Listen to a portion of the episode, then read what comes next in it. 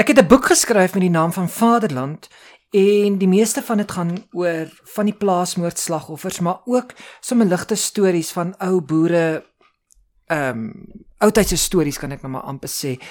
Maar 'n baie nice gedig wat ek geskryf het vir twee mense, ehm um, se naam is Twee Tolbosse uit Vaderland die boek.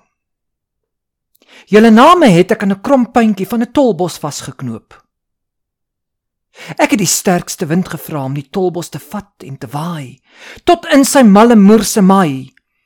Anderkant die klowe totdat waar die eysterklip dun gleufies maak en die son soos 'n helle vuur brand. Daar sal julle dan lê en verwoes word en deur sonvlamme verteer pyn en vergaan sonder doodgaan. Julle name het ek aan die stammetjie van 'n tolbos vasgebind. Met 'n mooi sagte lint het ek Antibreggie se naam gesit. Dan met 'n ander satynlint Elsabie se naam. En die dik stam het ek Oompie Dan se naam vasgemaak, die hoof van die huis. Ek het my engel gevra of sy julle nie saggies in die middagson wil gaan neerlê nie.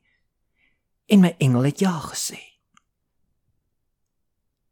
'n Sagte windjie het die tolbos saggies verby die twee riviere gerol.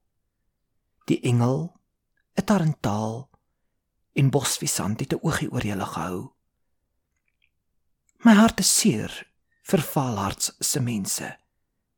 Vir julle steek ek 'n kers aan.